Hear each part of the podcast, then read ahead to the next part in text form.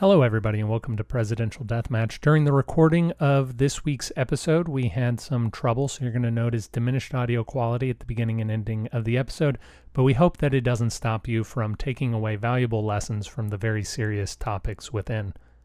Next week's topic will be which president is the most delicious, and we hope to see you then. Well, William Henry Harrison doesn't time travel, he's immortal. Uh, Jimmy Carter time travels. Jimmy Carter is the one who has access to time travel. Good evening and welcome to Presidential Deathmatch, the only presidential debates that matter. My name is Aaron Garrett, and joining me as always is Dennis Budde. Coming up on tonight's program, what's so scary about Shelbyville? Dennis and Aaron have different Johnsons, and rank slander against Martin Van Buren. Tonight's debate will be moderated by Craig Budde and will be a John Quincy Adams, Andrew Jackson style debate, which means the person to first show their lily white head wins. Got a really bad headache, so I've been listening to Seussical uh, to try and get me back into a positive attitude. You figure two headaches makes no headache. I love Seussical, and I don't care who knows it. musical. Dennis, we have to do something that we've never done on the podcast before. Granted, this is uh. episode seven to explore, but we need to do a retraction section. Unfortunately, yeah. both of us, in our zeal to win the debate, let loose with some filthy, filthy lies that were not countered because, much like the American media, we don't fact check these debates in real time. Yeah. Uh, for my part, I was arguing for Calvin Coolidge, and Dennis, in an unprovoked ad hominem attack, declared Calvin Coolidge a master of dad jokes and recounted the relatively famous story wherein Calvin Coolidge is seated at some fancy dinner. There's a socialite next to him. She says, You know, Mr. President, I bet my friend twenty dollars that you uh, that I could get more than three words out of you this evening, and he says you lose.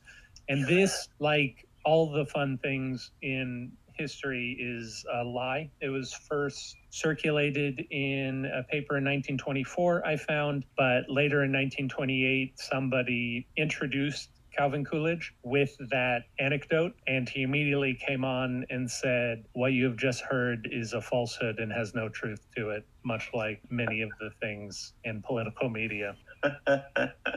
with his dry wit. And then I had my not only my dreams shattered, but I'm probably going to do some counter research because I don't want what you said to me at the end of recording to be true. I want to believe the lie. Yeah. But you had something to say about John Quincy Adams and John Symmes Jr. Yeah, I should send you the podcast. And also, I should have mentioned the podcast. That's another thing that we haven't been doing that it, it's a good idea to get into the habit of because uh, I'm just not crediting my sources at all. Though none of them are real sources, they're all sources. You know, they, they all have right. their sources and stuff. But uh, there's a podcast called "Plodding Through the Presidents" that is also a uh, coronavirus pod. Hashtag CoronaPod.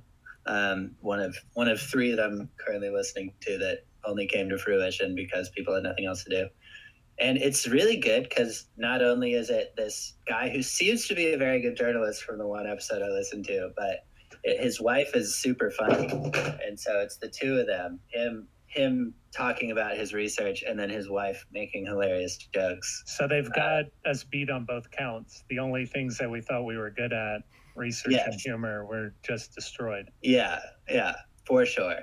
Nice. Um, but the uh, yeah the the episode that I listened to was about John Quincy Adams and all of the myths surrounding him, which is why I kind of then had that theme in mind of even of us wanting to create more fun for for John Quincy Adams because he was so boring, um, and the way that that was um, true with the mole people thing this was the this was actually like the deepest cut of his research as well because John Quincy Adams did legitimately say that the Symmes who was this man who believed in the mole people and everything John Quincy Adams says he's a visionary in his journal. So it seems like a very positive and it is relatively positive but it's just because symmes was like had all these plans that were super legit about going and like exploring the like Southern Pacific and the bottom of South America and all this stuff. Uh, and it was at some point it, it, in some ways motivated by him believing that there were holes at the poles, holes instead of poles. uh, the North Hole. Maybe he just misheard. Oh no, the South Hole, I should say. Um, That's but, yeah. disgusting, Dennis. uh, yeah, just like people. The, but he, yeah, so he wanted to like go explore and stuff, and had I think more legit plans, but then also just believed that like he might find a subculture, a literal subculture, physical subculture. Um, and yeah so so the his evidence to the contrary as far as the john quincy adams part was that john quincy adams also in his journal talked about how the dude was a crackpot um, and had these crazy ideas but then later he was like he's a visionary so yeah that's kind of how it ended up being confused. And we will be debating which president would make the best supernatural horror with Craig Budde. Craig, how are you doing today? I'm doing great. Thanks so much for having me. Hello. We're, we're very excited to have you. I don't know if you listened to last week's episode. I do, I yes. I think fans of the podcast might know me best as the evil half of Dennis's personality. That's true. Uh, right now, I'm working on a a movie, a fully a full length feature film uh, with some friends. It's the first one we've attempted, and we're gaining momentum. Hopefully, going to get it off the ground and be able to produce it later this year to uh, hopefully put it out next year sometime. It's called Bloodspawn: Attack of Uktena. It's based on an ancient Cherokee legend, um, oh. a very real Cherokee legend about a giant man-eating snake beast called the mm. Uktena. Uh, very supernatural, very horrific.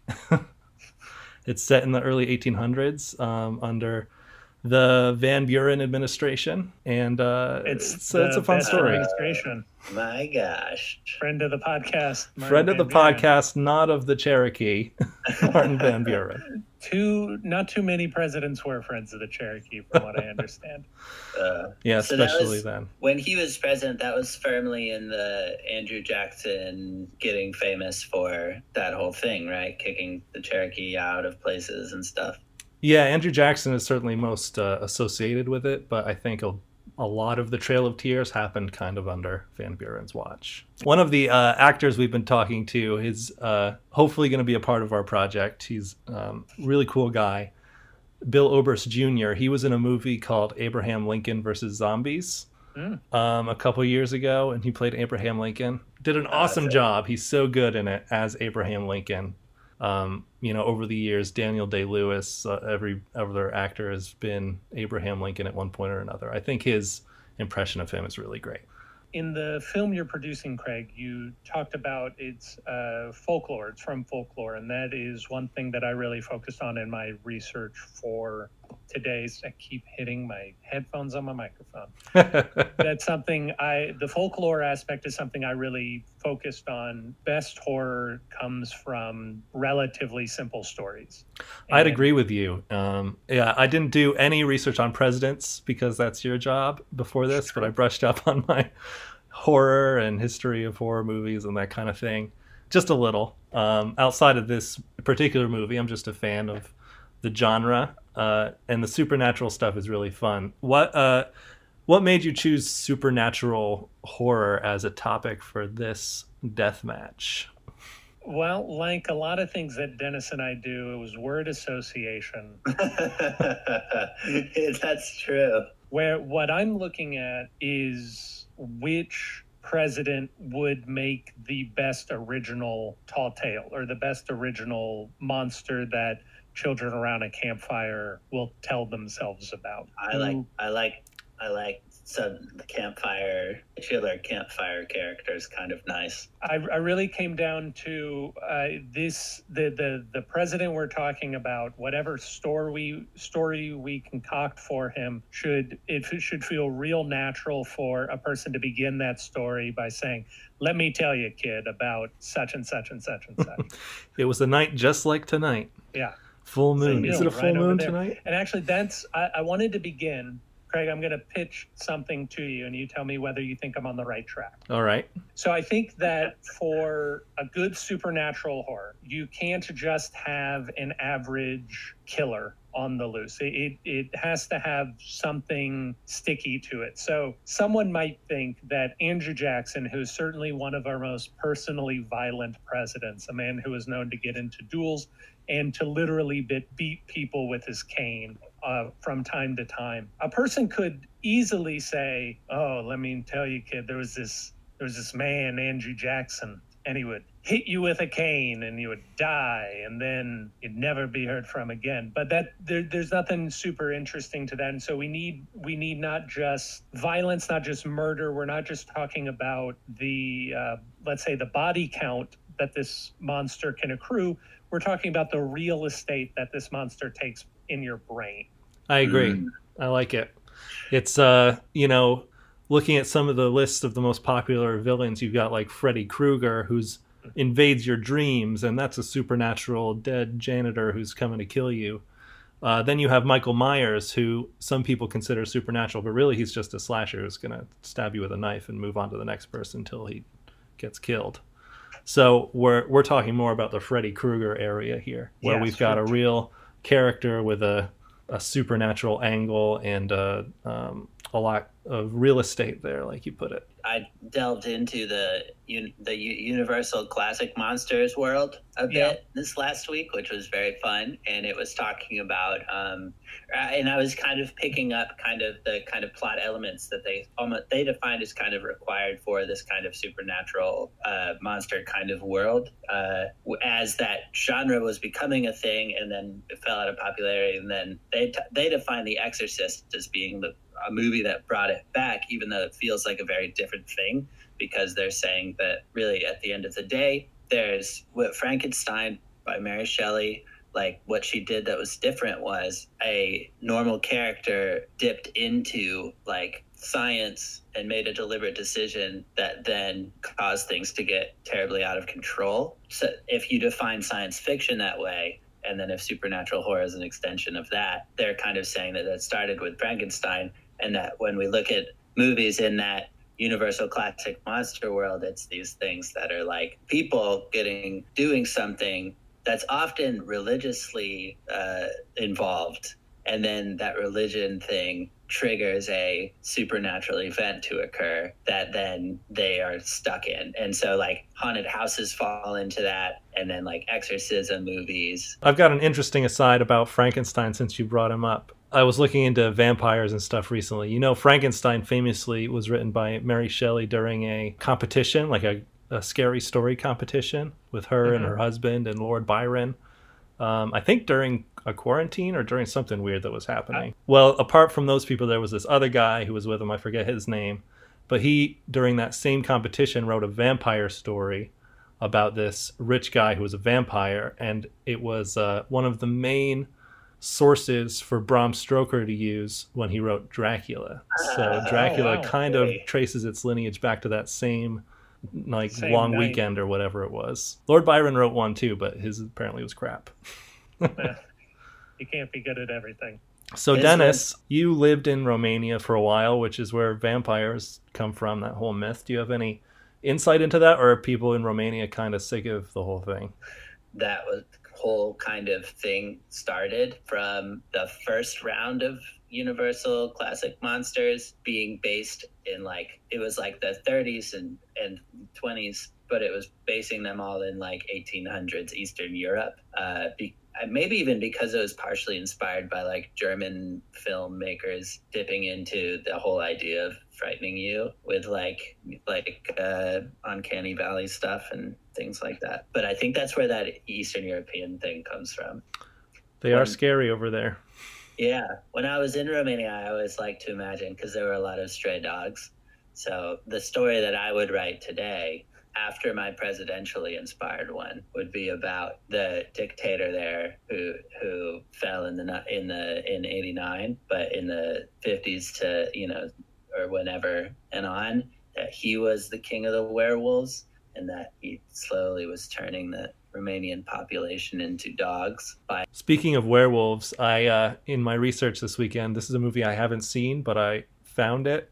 It's called FDR American Badass, and it's about uh, FDR who contracts polio from a werewolf, um, leading a secret war on werewolves during his presidency, or something like that. It, it's inherently kind of humorous to have FDR, Lincoln, Washington, or and some of these other ones too, where you just kind of like have an idea of who they are, and there's there Nixon. That's why I disqualified him as well because I feel like it's a president who they they already have too much. Kennedy would be in that category too. Can I follow up on that, Dennis? Because that is very much in line with with what I was thinking. And Craig, please jump in if if this theory holds water.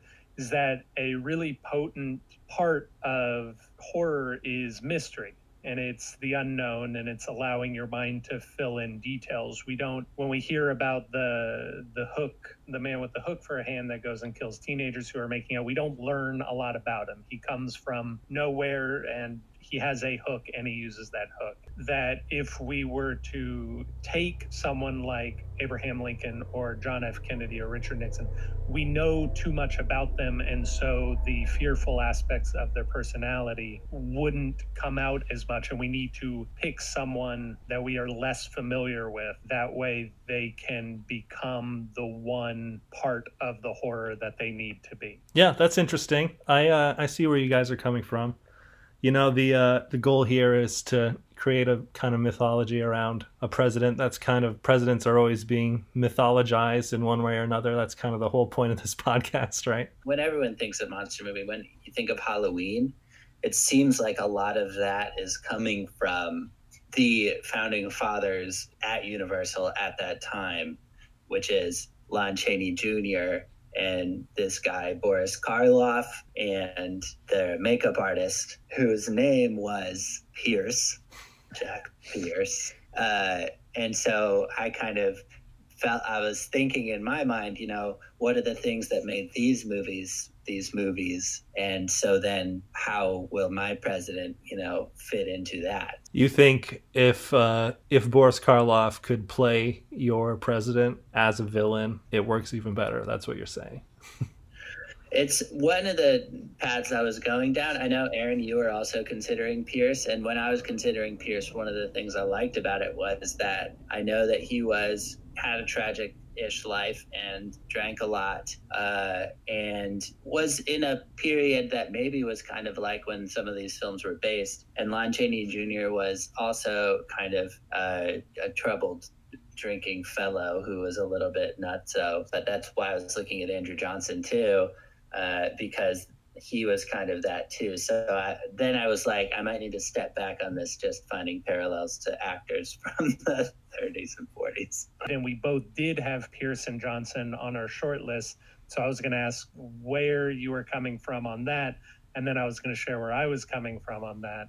Very right. different places, as it turns out. Yes because Pierce's mom was also named Anna Kendrick. So I was like, this movie is packaging itself for me. then I was like, I need to step away from the movie thing and focus on the story like a true artist. So. So one one thing that I was uh, focused on, I mentioned earlier, I was trying to find that one sort of nugget of uniqueness in a, a, president's story that we could then expand into the entirety of their identity that that would be part of it. So for pierce it was this idea for me that he is a guy that he is personally okay and he is very charming and you kind of want to be around him but he makes everyone around him worse yeah. He yeah, he he just puts out a field of sort of selfishness and inward self-focus that causes his kids to die and his wife to go crazy and the country to enter the country to start caving in on itself. Indeed. And I we had different Johnsons. We both just said Johnson in our text message, but I was talking about LBJ and you were talking about Andrew Johnson. So. we do have different Johnsons. I know we're mostly focused on personalities of these presidents. Basically, is where we're getting a lot of this stuff, or it seems to be where you guys are coming from. But do like the cir- circumstances of like if we've had multiple presidents die in office, that's a mm. quick and easy way to become a ghost. Um, Harrison was only president for like a few days, right? Yeah, 30 or so. Um, and then like Kennedy was on all sorts of drugs and stuff in the 60s while he was president. That's something weird that was going on that could lead him to becoming a supernatural horror. Did you think about stuff like that at all in in coming up with your final uh, candidates? Yes, yes. Yeah. I thought uh, I for a while I was trying to find a way to make James Garfield work because James Garfield was one of the presidents who was assassinated and he represented a kind of factional part of the Republican Party. And so the unfinished business Right. Yeah. He hated Mondays, right? Loved lasagna. But uh, but Garfield was too much of a force for positivity. It, it, was hard to conceive of the the darkness that Garfield would have. And similarly, Kennedy seemed very into the myth of Kennedy and so he wouldn't necessarily reach out. I did some looking into horror movies that feature presidents it is a neat little subgenre. There's not a whole lot in there. and uh, in most of them, the presidents are the heroes. They're killing the monsters. They're not the monsters themselves. Interestingly, of the movies where the presidents are doing the killing, it's usually just somebody in a president mask. There's somebody. There's one with a Nixon mask. There's like three or four with Reagan mask people. but there's one I found, which was part of a anthology, I think, where Washington turns out to be a cannibal, and there's this whole cannibal cult that is like keeping his cannibalism a secret from the American public. awesome. Wow. So that was pretty funny, but I don't think Washington shows up in the movie at all. It's just like his cult. uh, well, that's even scarier. well, original Godzilla. that's a whole different like monster movie thing because yeah. uh, that's where I started thinking. At first, I think Dennis, you said something about creature features, and when I think creature feature, I think like kaiju. Yeah, Godzilla, King Kong. What if we blew up all the presidents to fifty times their size? Which one would cause the most havoc? And, and every yeah, and on an increasing uh, frequency, they were entering through the Pacific Rim to take down humanity what order would we want them to come? That could be our 24 hour episode that we do on President's Day. okay. Uh, but I'd love to hear your guys' thoughts on Teddy Roosevelt, somebody who had an actual body count, um, has That's been true. mythologized a lot about, but long enough ago that I think we can take some liberties, right? I think so. So Teddy Roosevelt, you're either going to take young Teddy or old Teddy. And young Teddy would be, I, I, don't necessarily know an analogous monster in, in pop culture, but he'd be a thrill seeker.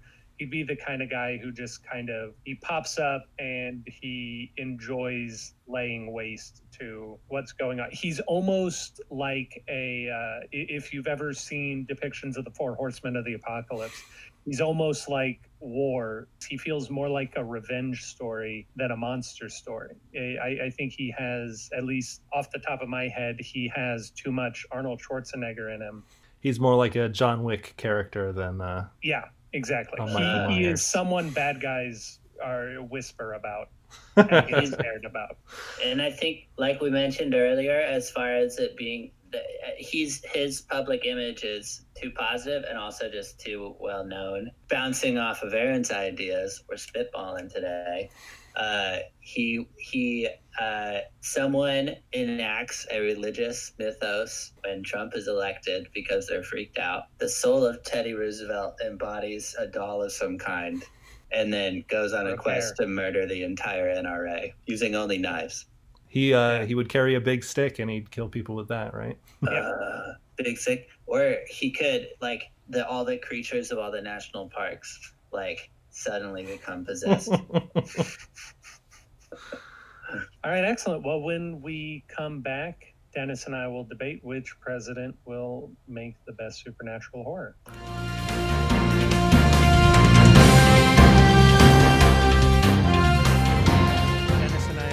To debate which president would be the best supernatural horror, as moderated by Craig Budde.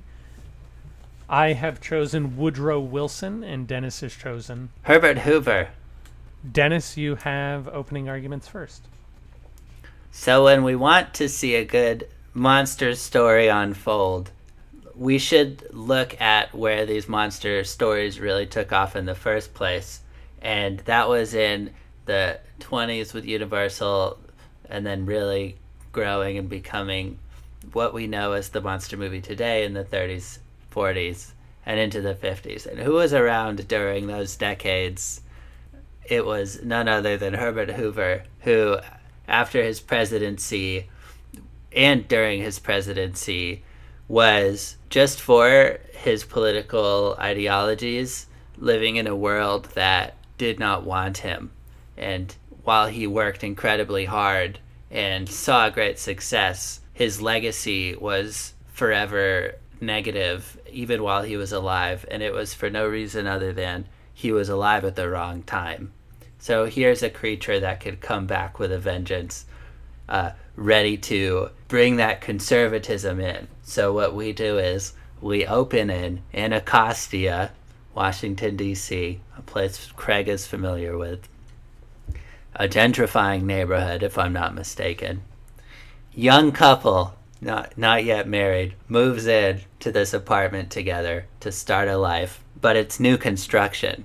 And at first, it seems like maintenance is just a real bummer. They, there's a sink to fix every week, but then it starts to seem like the place is falling apart on its own. And then they realize that it's haunted by the spirits of the homeless from the onset of the Depression.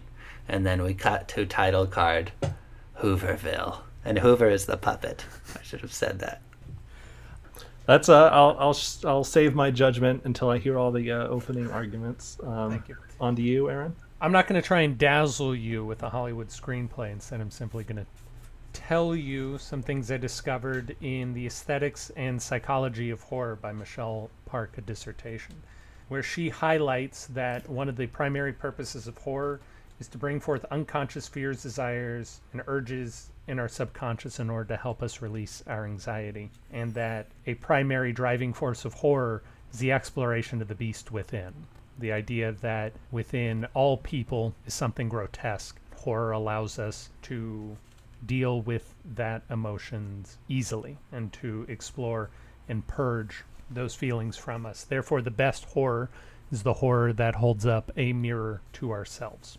When I look around in 2020, I see, especially in the field of politics, I see a lot of organizational distress and a lot of factional problems, a lot of areas where power has been removed from the people, but we are still encouraged to fight with rancor against each other and who is responsible for that development in American politics but Woodrow Wilson, a man who furthered the expansion of the administrative state at the expense of legislation and sought to bring power into himself to allow him to do whatever it is he felt was best.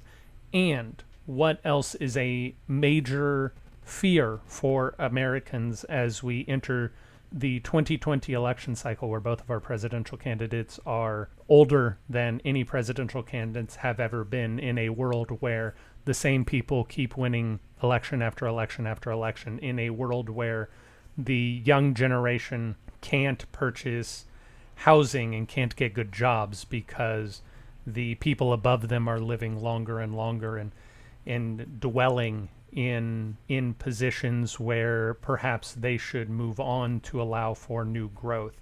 We have a problem where people are sitting and staying and existing where they are no longer necessarily as useful as they once were, and that is inhibiting the growth of the largest generation of workers that America's ever seen, which will be followed by a new generation, largest generation of workers America's ever seen. And Woodrow Wilson is a man who was endemic of that kind of attitude, a man who, when he had a stroke in the White House and was no longer able to properly discharge the powers of the presidency, did not resign it, but instead was so fearful of losing power that he, for uh, multiple years, stayed bedridden, trying to control the country as best he could so he didn't let it out of his grasp.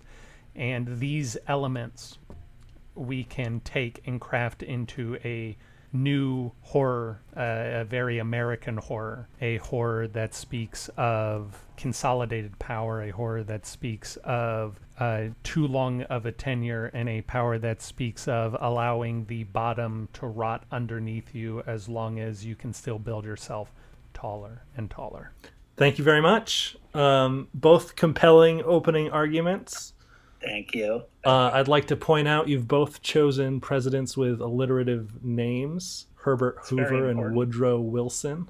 Um, do you think there's a reason behind that? Some subconscious horror behind uh, alliterative uh, alliterative names like that? Well, the I'm trying to think of the right word. Dennis, you might know.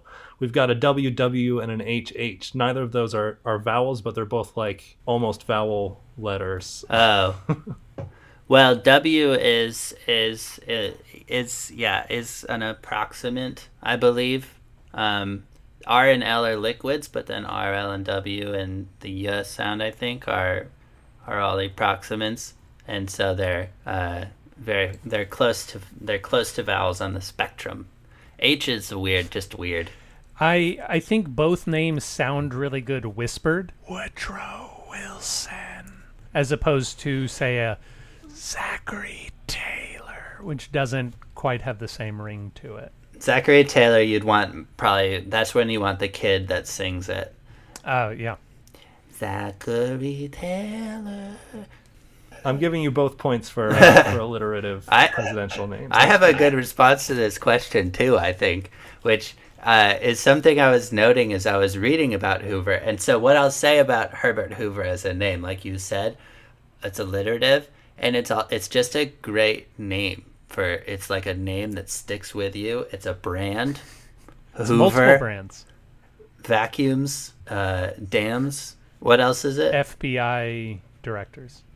FBI directors.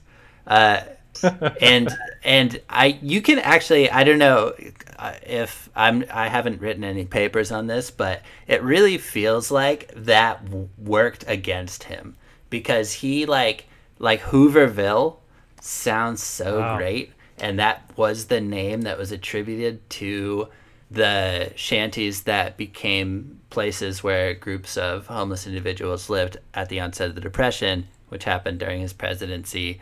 Uh, so, and then Hoover leather was when you put cardboard on your shoes because there were holes in your shoes, and all these other things. It was just so easy to call them Hoover X that that brand worked against him, and how it would feel to have your name just turn into like uh, shorthand for uh, product of the depression.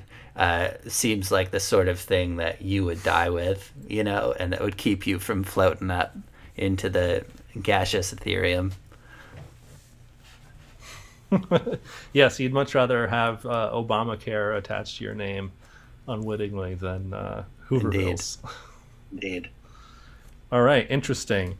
Um, I'd like to ask you both a question. You were both kind of vague on the means of, of which your uh, your candidate commits its its horrific acts. Um, Hooverville is a is a terrifying thing. There's almost nothing more terrifying in reality than poverty. But what uh what's this guy holding in his hand? What's uh what's happening? He's here? the puppet master of the World War One veterans who who populated Anacostia in a who in a infamous Hooverville um, because they wanted to expedite their benefits because of the depression hitting, um, and ended up having a lot of clashes with the police.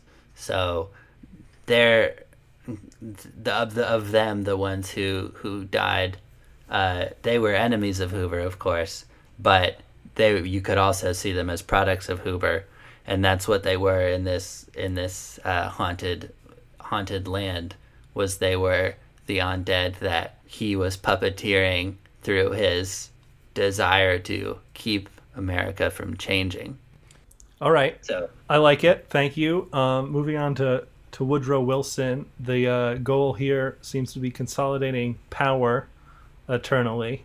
I, I first want to say that Woodrow Wilson is a frightening visage. He has had this stroke, and so his skin is is pulling and, and drooping in various ways.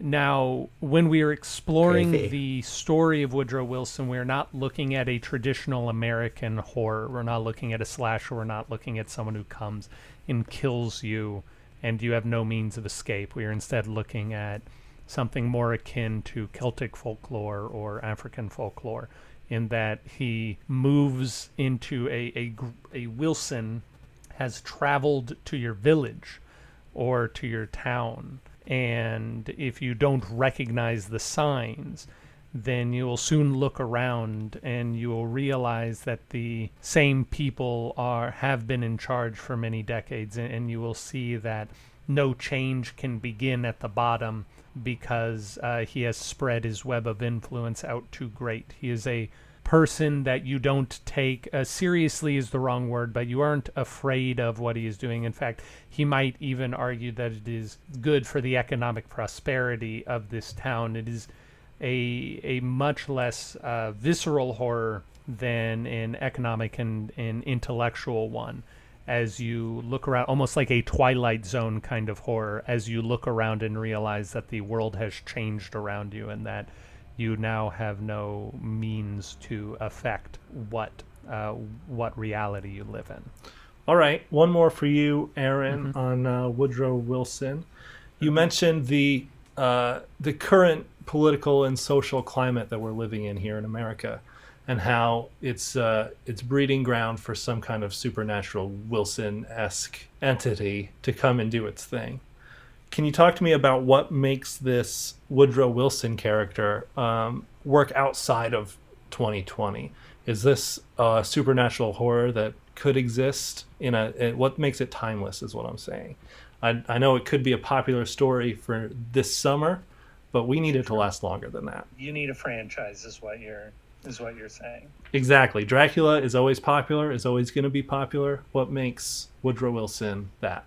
I think the primary thing is that Wilson, uh, the Wilson mythos, is is speaking to the uh, constant fears of youth that they have no recourse in the in the world at large. I think that although it is a story that demands to be told in 2020 specifically, it is still built on the universal feelings that the the people who have been around longer and the people at the top will never leave. And I don't think that young people will ever stop thinking that old people are out to get them. So I, I- think certainly it can affect the youth crowd season after season, year after year. I think that I think that we can also look back over the last 80 years or so of of our culture and and see that we have an ever increasing demand for uh, th- this consolidation of power fear that we're that is just now being exposed. And, and because our systems are so slow to change i don't believe that the specific elements that make the wilson story work will expire All right. Um, Dennis, uh, similar yet opposite question for you. With Herbert Hoover, you've mentioned uh, the idea of getting stuck in a cycle of poverty, Hoovervilles, the uh, the way that can come back to haunt us from the past. That's more of a timeless uh, horror that you've described. What makes that relevant now in 2020? Yeah, that's why I like the idea of this angle of it's these this couple moving into a gentrified neighborhood. So we're taking the perspective that we imagine the moviegoer is going to have in a lot of these scenarios, and we're saying this person, the fear that we're that we're preying on here is the is the fear that you're taking the easy road and you're choosing not to be charitable and you're choosing to uh, live wherever you want to live and that that's going to suddenly come back to bite you uh, that these fiscally responsible choices that you feel like most of the time are the only thing you need to live by all of a sudden you're not doing what you need to do for society which is the same trap that hoover fell into as president. He thought he could do what coolidge did and just be a responsible politician and make smart decisions that were tried and true and then that kept him from being able to make big enough decisions to stop the depression from happening, and it kept him from uh, being from being supportive of any of the decisions that FDR was making, which just led him to become progressively more and more unpopular.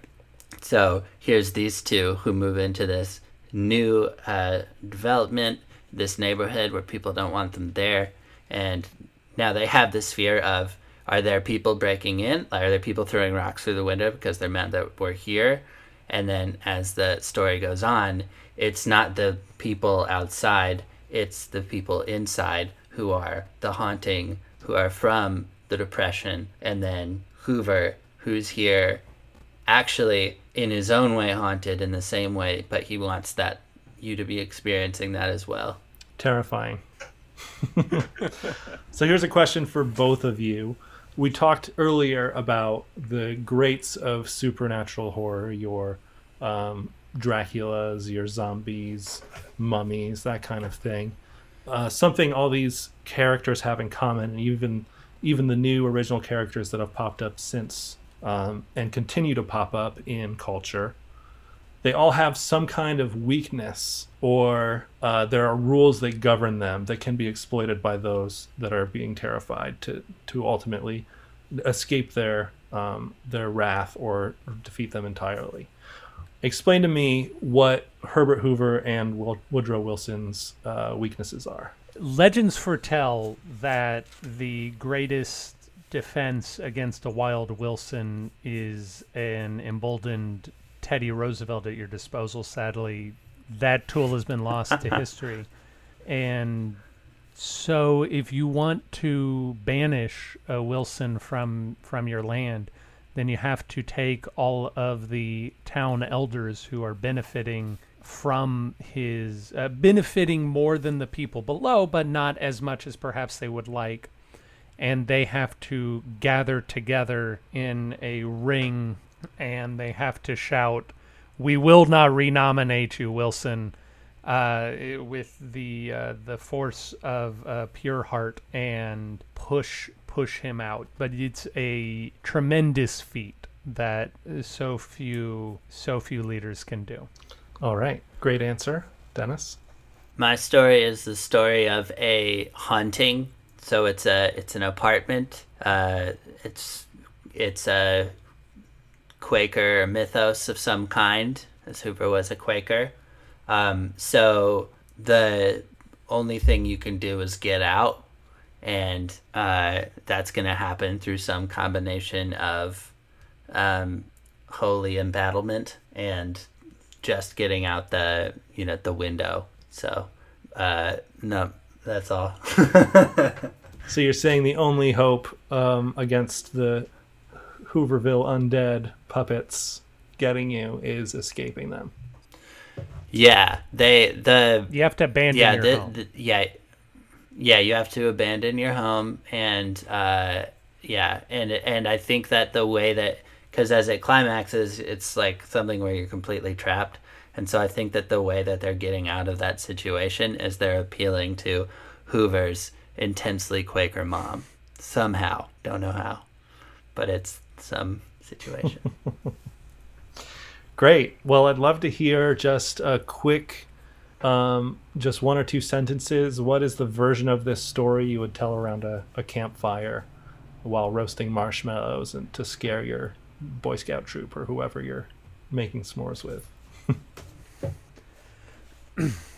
um, as a troop master, not as a child myself. That that is the the character I'm playing right now. Thank you for clarifying. Yeah.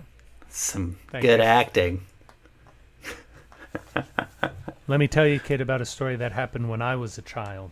I, I grew up right here, uh, right here in this town of Shelbyville, and I I felt like things weren't right. I felt like things hadn't changed. I I was young, so I went to go see the mayor, and I went to go tell him about everything that I wanted to tell him, and I went to go try and push push my views on him and, and, and really inspire him and I and people tried to keep me out. They said he was busy. They said that he was in a, a city council meeting, but I said no. I pushed. I pushed my way through, and I saw the mayor, and there standing behind him was a filthy Wilson, his his jowls dripping down to the floor with his fingers in the mayor's mouth stretching it wide open as the Wilson's eyes glowed.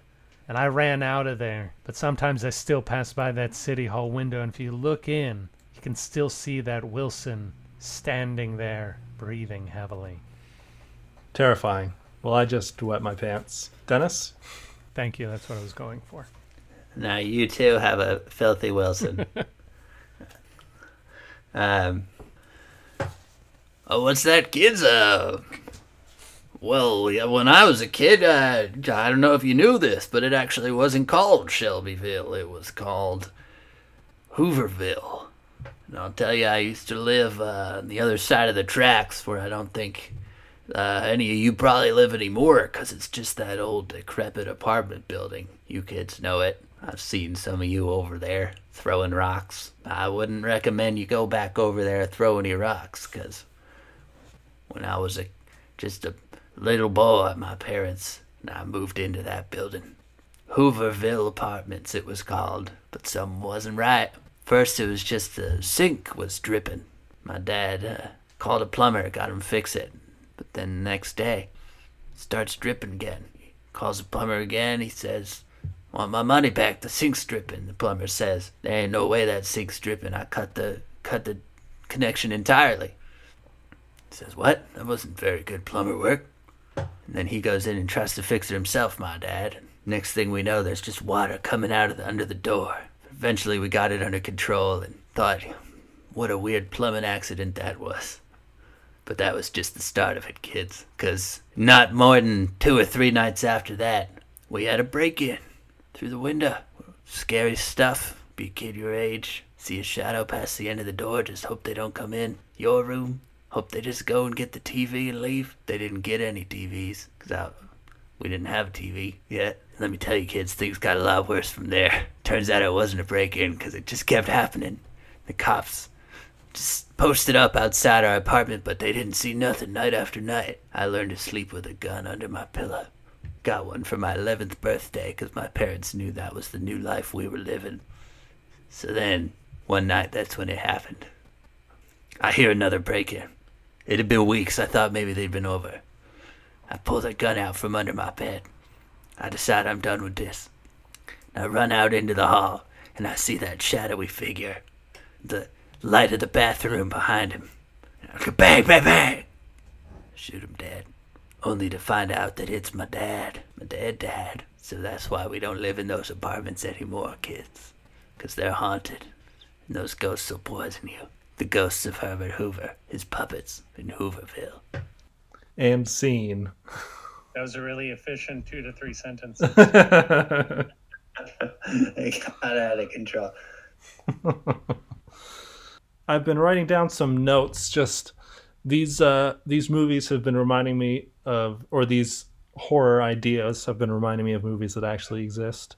Um, it sounds like Woodrow Wilson's more of an invasion of the body snatchers kind of character. That's the that's the direction this is going.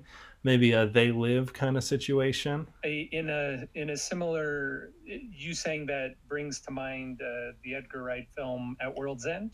Oh yeah, not not a horror movie, but I, I think is similar kind of assimilation.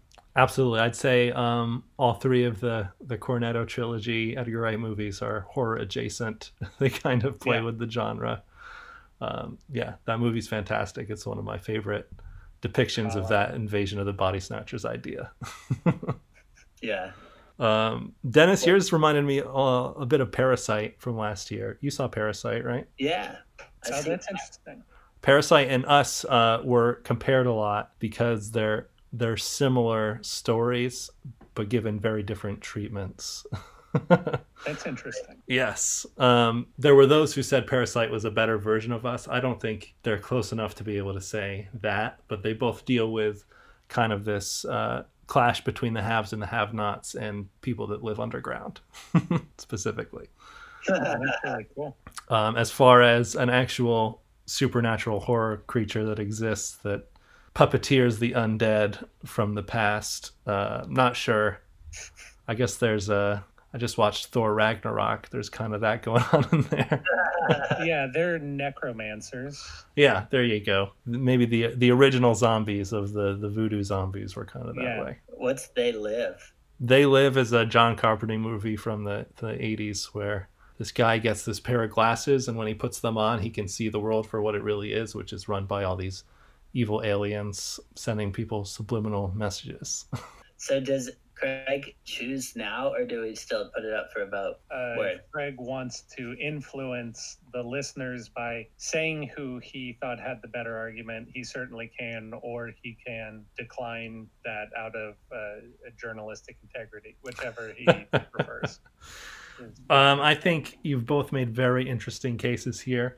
I'd like to leave it up to the people to decide who um, among our presidents would make the best supernatural horror, whether it be Woodrow Wilson or Herbert Hoover. Excellent. Thank you. And you can find that poll in the description of wherever you found this episode. Uh, there was one question that I wanted to ask Craig off topic before he signs off. Go for it. Who is your favorite president? I've always been a big fan of Washington. I know that's kind of a boring answer for favorite. Uh, he was a pretty cool, interesting person. Um, I was reading about him on Wikipedia. I go down Wikipedia rabbit holes every now and then that I can't seem to get out of. So he's got an interesting story. Uh, very ambitious, maybe to a fault as a youngster, which made him a celebrity in colonial America, but uh, not always for good reasons. Mm, um, loves lost and regained. He he was certainly fascinating. Fascinating person. I like it. Thank you so much. Craig, your film hopefully coming out soon ish. It's in pre production, so we will announce it again when it is actually in a place where it can be seen. Is Out for Blood. Is that correct? It's called Bloodspawn. God. Attack of Uktana. Bloodspawn Attack of Uktana. Yeah, in pre-production, uh, probably coming out next year at the earliest. Do you have anything else you'd like to plug? No, that's it. Thanks so much for having me on uh, on Presidential Deathmatch. It's been a joy. Thank you very much. We had a lot of fun. Well, I had a lot of fun. I don't want to speak for your brother. That was super fun. Thanks, bro. Thanks for being our, our inaugural guest. Uh, my pleasure. Um, have me back anytime. Thank you for listening to Presidential Deathmatch. If you enjoyed this, you can find more on Apple Podcasts and Spotify. If you would like to send us an email, you can do so at pronoiatheater at gmail.com. You can see more at pronoiatheater.com. Presidential Deathmatch has been a production of Pronoia Theater and edited by Aaron Garrett. Unleashed. Well, uh, just a quick overview. We're basing it on the Uktana myth, which there's lots of different versions of the giant horned serpent throughout Native American cultures. The Uktana is specific to the Cherokee. And the general idea is that it's a giant snake. It's got antlers. It's got a gem in its head, and um, it kills people. and it lives in, underground and in the water, and it, it can fly around. It's got wings. Um, and if you get the gem, remove it from its head, then you have control over the Uktana, Mm. and wealth will come to you. You'll win all your battles, everything else. But to get it, it's really dangerous. If you look straight at it, it's kind of like the basilisk in Harry Potter. You turn to stone, that kind of thing. So in our movie, it's uh, the Cherokee have dealt with the Uktana. They've gotten the gem. They keep it buried under their village. Um, they've done that for centuries. But then the Trail of Tears happens. They all get kicked out of their village, and so the Uktana is now free to roam the earth again. Oh, no. And that's uh, and it's out for blood, and they have to to destroy it before it takes over the whole world. That's the basic idea.